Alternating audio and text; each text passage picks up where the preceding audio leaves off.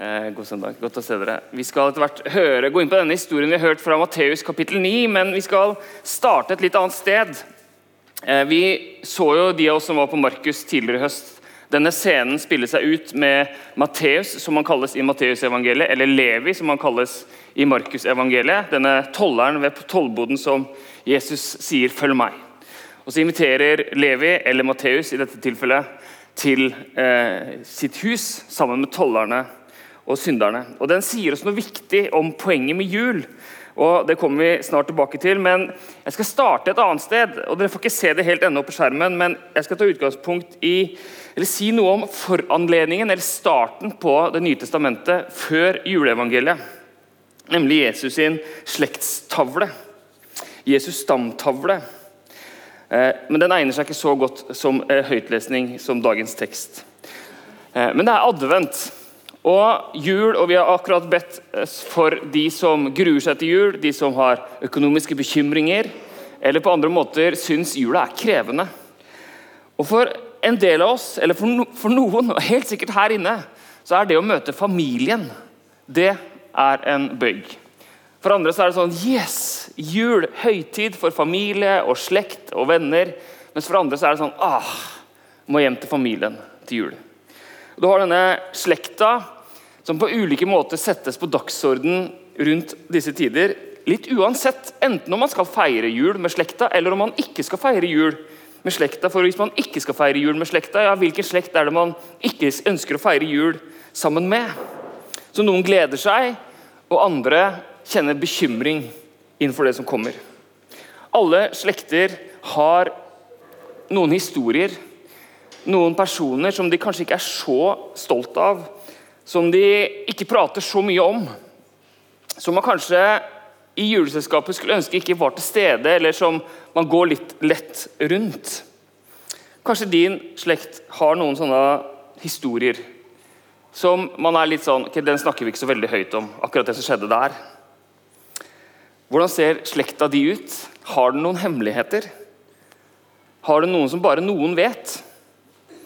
Eller er det noe som alle vet, men som ingen snakker om? Hvem fins i ditt slektstre? Noen har interesse for slektsforskning. Jeg vet ikke om det er noen sånn her, eller det vet jeg at det er, forresten. som er engasjert i å finne ut hvem slekta si er. og Man kan jo finne ut ganske mye på internett i dag, på sånne åpne register. og sånne ting. Og I dag finnes det også teknologiske hjelpemidler. Jeg så det aktualisert nylig i en eh, NRK-serie som heter Gitt bort, hvor Christian Strand tematiserer adopsjon, og han ønsker å utforske hvor han kommer fra, i Indonesia. Så kommer det noen til Christian med en sånn liten pakke med en DNA-test. Hvor du kan ta en spyttprøve, sende den inn til et laboratorium og få svar om slekten din. Er det noen som har gjort det her? Ingen som tør å innrømme det? Eh, du vet ikke om jeg kommer til å bruke det som et positivt negativt eksempel, så du tør ikke å Nei, men Det må jo være kjempespennende. Du, du, spytter i et, jeg vet ikke hvordan det funker, men du spytter på en eller annen pinne eller tar en sånn sånn koronatest. Putter en konvolutt, sender. Så får du tilbake igjen eh, prosenten på hvor, eh, hvor, du kommer fra i verden, og på slektninger rundt omkring i verden som har tatt denne DNA-testen på samme måte. Eh, og Christian velger å avstå. Han sier 'jeg vet ikke om jeg tør' å ta denne testen. Og En av tilbyderne til eh, DNA-testen eh, reklamerer med finn nye finn nye slektninger du ikke visste om med delt DNA. Eller oppdag din familiehistorie.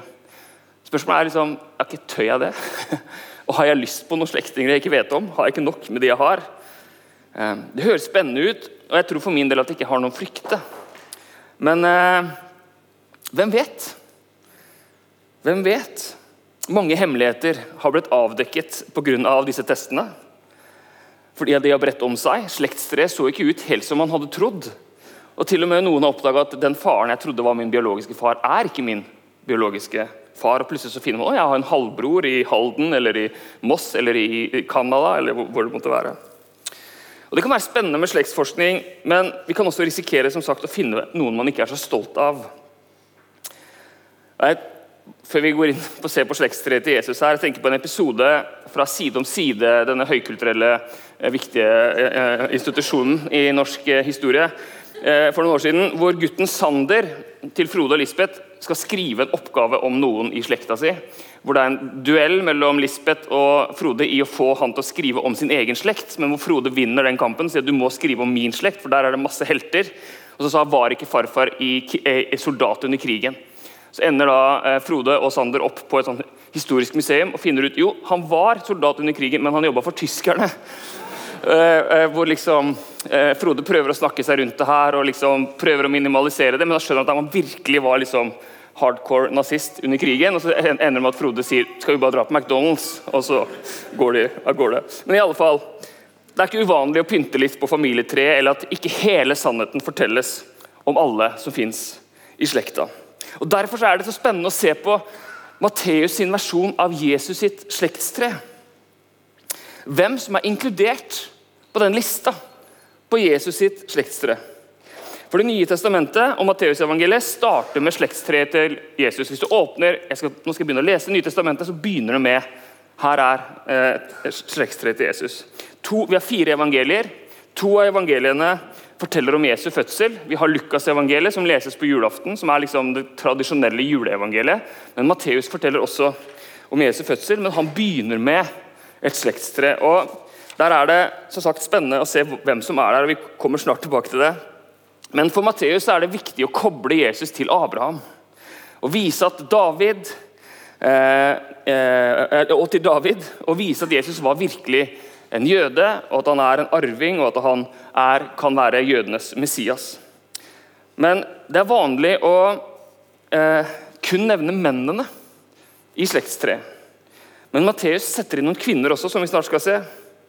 Han tar med noen folk som man kanskje tenker at du trengte ikke å nevne de folka der. Og Du ville kanskje droppe det hvis du tenkte at nå skal jeg skrive slektstreet til selveste Messias. så ville du kanskje droppa noen av disse navnene. Og Det, det Matteus gjør, er litt spesielt, fordi den, på den tiden hvor Matteus satte seg ned og skrev sitt historiske dokument, så var det vanlig å leie inn historikere. Keiseren leide inn historikere som skrev historien om seg selv. Hvor man overdrev de eh, militære seirene, underdrev de militære tapene. Man fikk eh, historien til å framstille seg sjøl ganske godt. Så Matteus Det var vanlig si, å pynte litt på historiefortellingen. Men Matteus kan virke som gjør det motsatte. Skal vi se. Hvis vi ser bare litt på teksten, Vi har litt problemer med skjermene i dag. De går litt av og på.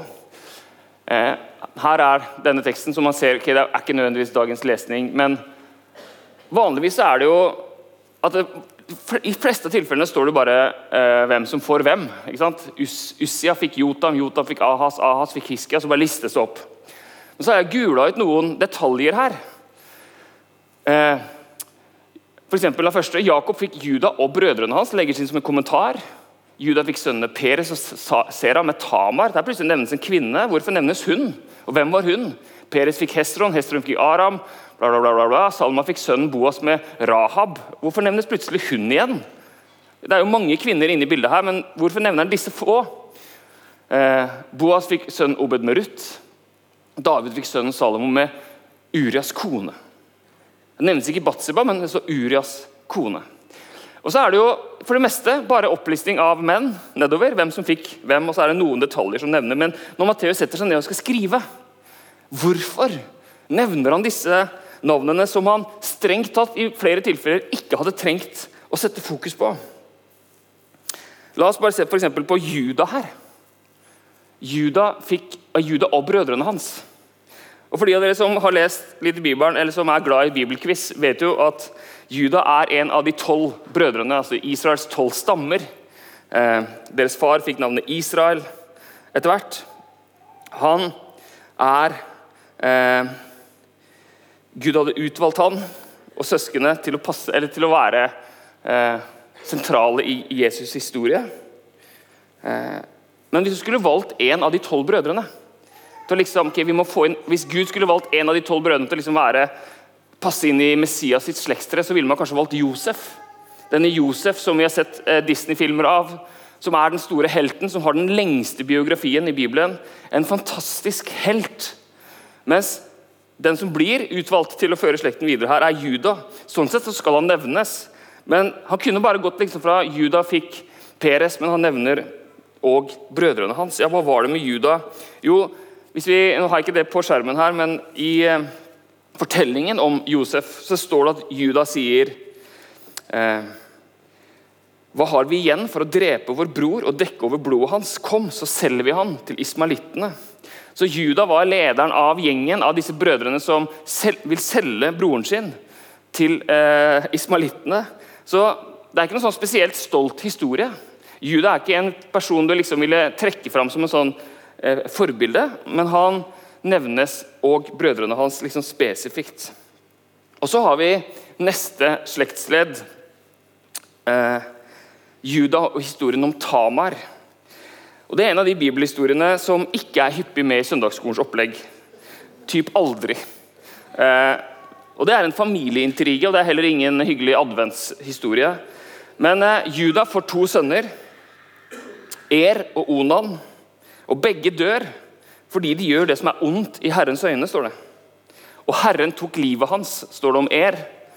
Og om Onan så står det likheter. Og Herren tok livet hans også, fordi de gjør ondt, det som er, som er ondt i Herrens øyne. Så Juda mister begge sine sønner. Så er det kompliserte regler rundt slekts videreføring av slekten og sånn, som vi ikke skal gå inn på. Men Tamar var kona til Er, altså Judas svigerdatter. Eh, men i slektstreet så står det at Juda fikk sønnen Peres med Tamar, altså sin egen svigerdatter. Hva er det som skjer? Og hvorfor velger Matteus å nevne det i det hele tatt i slektstreet? Han kunne bare gått forbi. For den historien om Tamar og Juda er ganske brutal.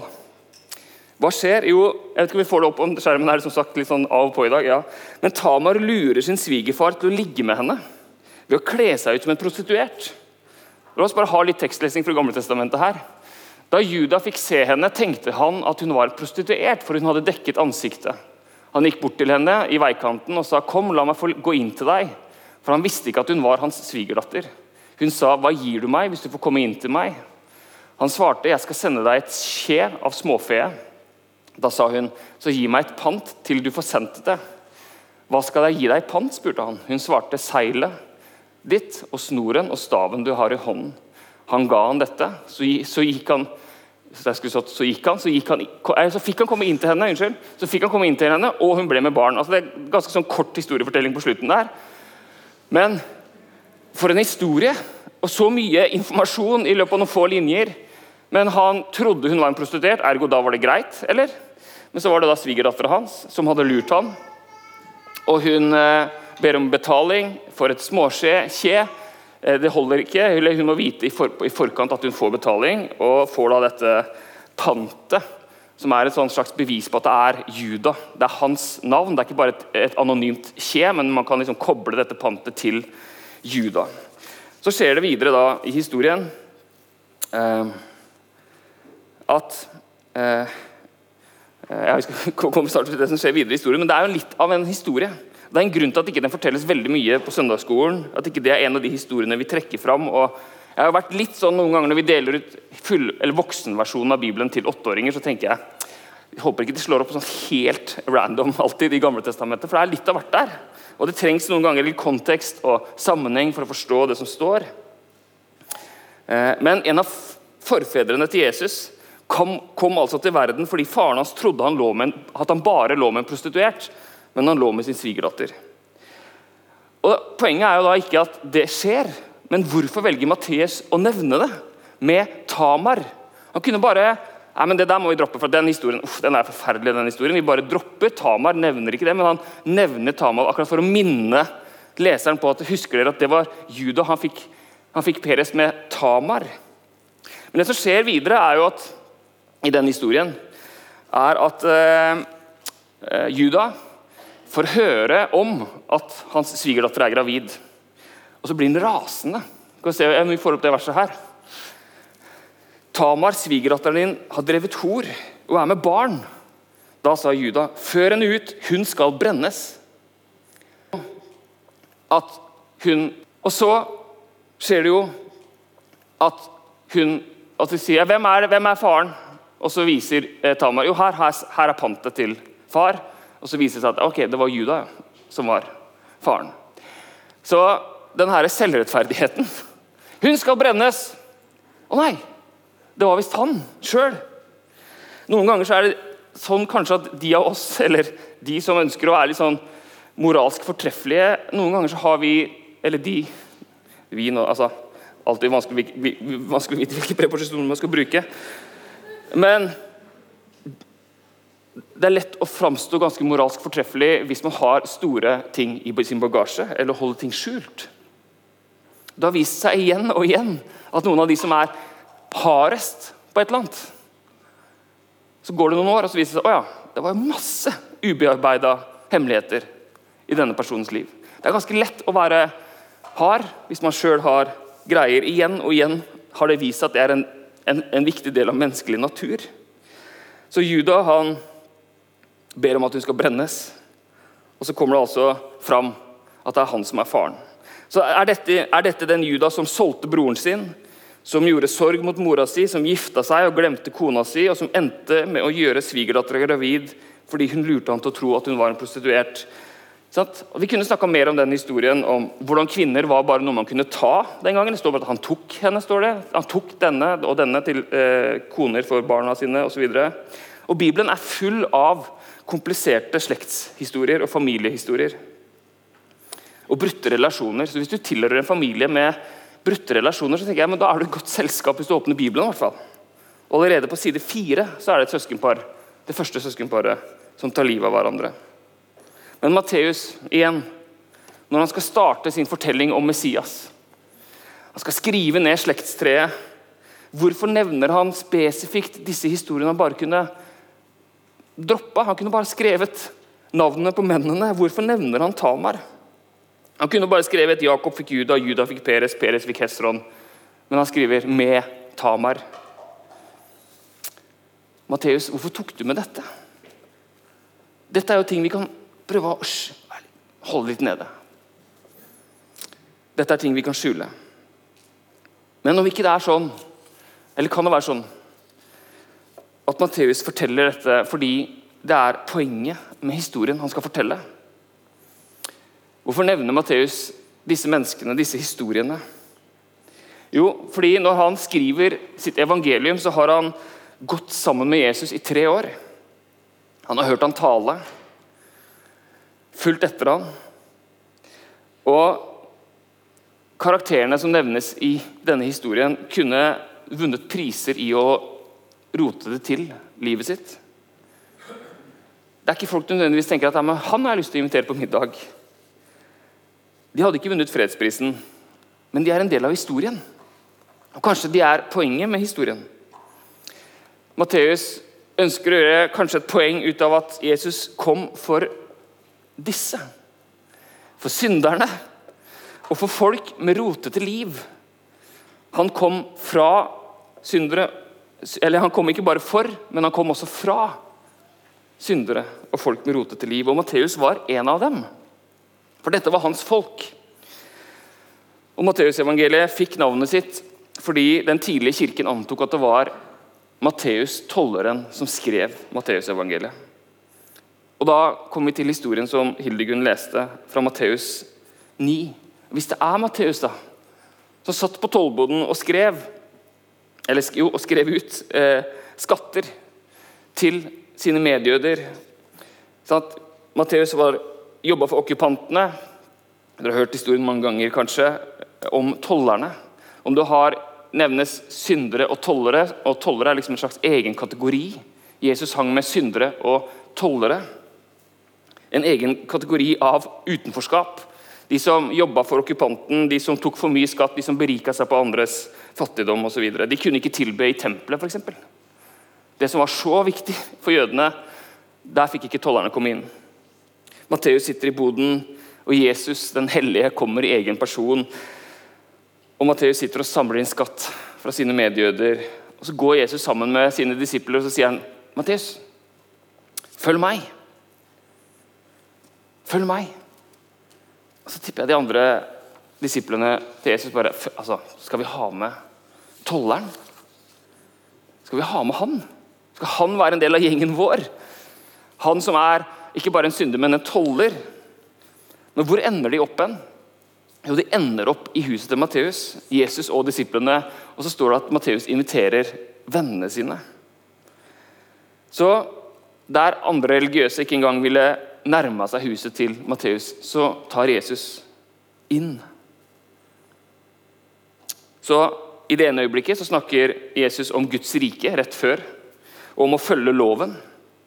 Og I det neste øyeblikket så er han sammen med tollerne.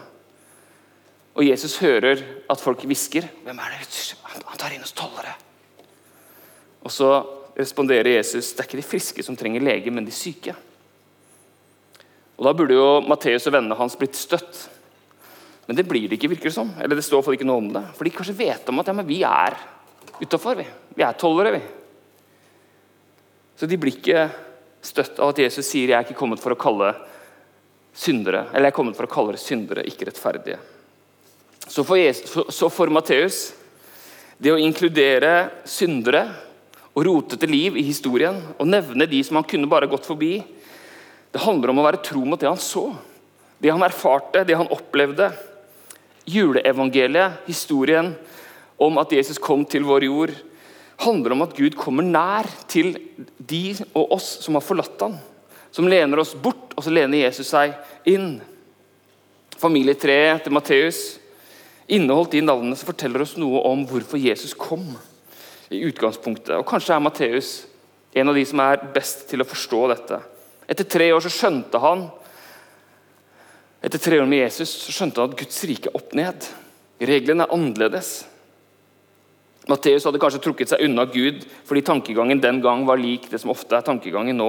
At jeg må nærme meg Gud basert på gjerningene mine. På hva jeg har gjort og ikke gjort. Og så får jeg håpe at jeg har mer pluss enn minus. Det er en sånn folkereligiøs eh, tilnærming, iallfall. Jeg har gjort disse tingene, jeg har ikke gjort disse tingene. Holder det? Men det Matteus skjønte etter tre år med Jesus, etter å ha vært ved siden av korset, ved en tom grav, var at han, en toller, en synder, en som på alle måter hadde feila, han kunne komme nær Gud. Ikke basert på hva han hadde gjort, og hva han ikke hadde gjort, men pga. hva Jesus hadde gjort for han. Synderne i slektstreet til Jesus var poenget. Gud kom ikke for å gi dem som hadde Gud kom ikke først og fremst for de som hadde noe å vise til i sin egen rettferdighet. Se, så flink jeg har vært. Gud kom for de av oss som trenger en gave. For alle oss som trenger nådens gave. Jeg tenker Kanskje Matteus nå har satt og skrev, må ha smilt litt nå liksom gikk gjennom familietreet til Jesus. Jeg må nevne Tamar. Jeg må nevne Batseba, hun som kaller Urias kone. og Så presiserer han til og med at hun var kona til Uria. Hvorfor det? For Uria jo, ble jo sendt ut i, døden for at David skulle kunne skjule at han hadde gjort Batseba gravid. Så Hvorfor nevner han Urias kone? Hvorfor kunne han ikke bare hoppe over det der? Nei, men Han tenkte at ja, det er for sånne folk. Det er for disse. Det er for oss alle Jesus har kommet med nåde. Det er fortsatt det er fullt mulig å være en overbevist kristen, men fortsatt leve som om at det er du som holder Gud oppe ved hjelp av dine gode gjerninger eller din ikke-synd. At troen blir et skjema man må prøve å holde. Men juleevangeliet, som vi snart skal feire og lese på nytt, evangeliet er at Jesus døde for oss mens vi ennå var syndere. At vi kan komme til Gud ikke basert på hva vi har å vise til, men at vi kan komme og motta en gave. Og Det kan være vanskeligere enn vi tror. Og jo mer eh, vi har vært i kristne sammenhenger, og jo mer religiøs man blir, jo vanskeligere er det å ta imot nåden som en gave. Jeg hørte Timothy Keller si en gang at alt du trenger for å være kristen, eller alt du trenger for å bli en kristen, er ingenting. Men problemet er at det er det få som har. Alt du trenger for å bli kristen, er ingenting. Men problemet er at det er det altfor få som har. Altså, Vi klarer ikke å liksom si 'jeg har ingenting'. Og Hvis vi alle hadde kommet fram, hvis jeg satt fram mikrofonen her nå og sagt ok, la oss, komme, la oss fortelle om vår slekt, eller la oss fortelle oss om, om oss selv Her er mitt liv. Sånn her ser det ut. Dette har jeg vært med på. Dette har jeg opplevd. Dette har jeg i min historie. Så ville vi jo skjønt at ikke her i dette rommet fins det jo masse av historier. Av ting vi skammer oss over, kanskje. Ting vi tenker at det her er vondt og vanskelig. Men så er vi sammen likevel. Og så kunne vi kanskje møtt hverandre med et mye større, varmere blikk. Og nåde og raushet. Så når vi kommer fram til nattverden og dulter litt borti hverandre, ja, men det er fint. Fordi vi skjønner at vi alle er velkommen til bords til Jesus, som tar imot oss. Som kommer med nåde og med frelse og med helhet. Og Vi ville kanskje vært enda mer takknemlige hvis vi virkelig hadde liksom skjønt hva som rommes i dette rommet, for at Matteus inkluderte de han gjorde i slektstreet til Jesus. For de, og sånne som oss, er poenget med historien. La oss be.